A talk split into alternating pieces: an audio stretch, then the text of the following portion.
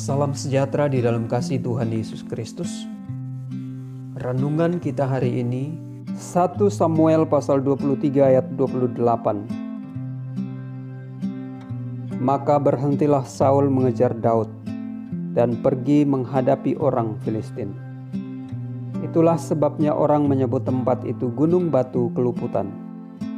Saudara yang kekasih dalam Tuhan Yesus Kristus, dalam Perang Dunia II, seorang marinir tentara Amerika Serikat terpisah dari kesatuannya. Ia sendirian dalam sebuah hutan belantara. Ia melihat sebuah tebing bergua dan bersembunyi di sana. Ia berdoa meminta perlindungan kepada Tuhan. Sementara ia berdoa, seekor laba-laba jatuh dari atas pintu gua dan mulai menenun sebuah jala. Marinir itu tertawa.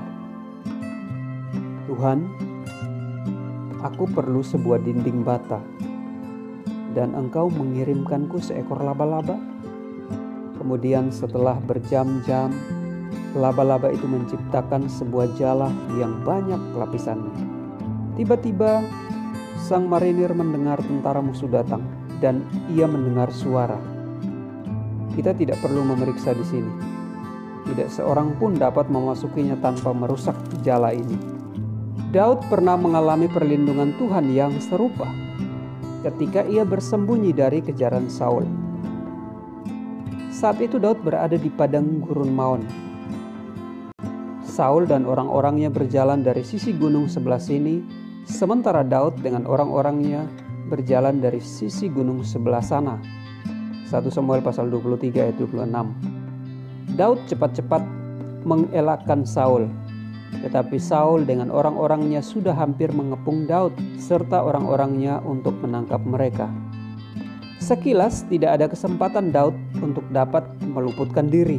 Tetapi ketika Saul dan orang-orangnya sudah hampir mengepung untuk menangkap Daud, seorang suruhan datang kepada Saul dengan pesan.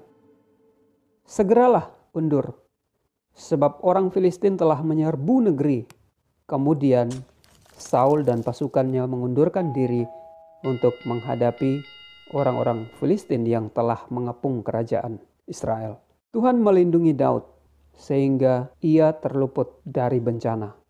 Ayat 27 sampai 28 ketika seorang suruhan datang kepada Saul dengan pesan, "Segeralah undur, sebab orang Filistin telah menyerbu negeri."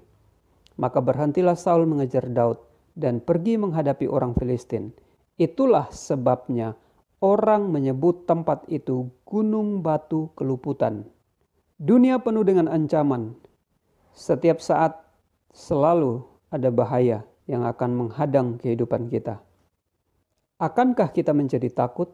Tentu kita tidak perlu merasa takut karena Tuhan senantiasa melindungi kita. Sekalipun mungkin caranya tidak seperti yang kita duga, Mungkin tidak seperti yang kita pikirkan atau yang kita bayangkan. Yakinlah perlindungan Tuhan bagi anak-anaknya sungguh sangat sempurna. Amin.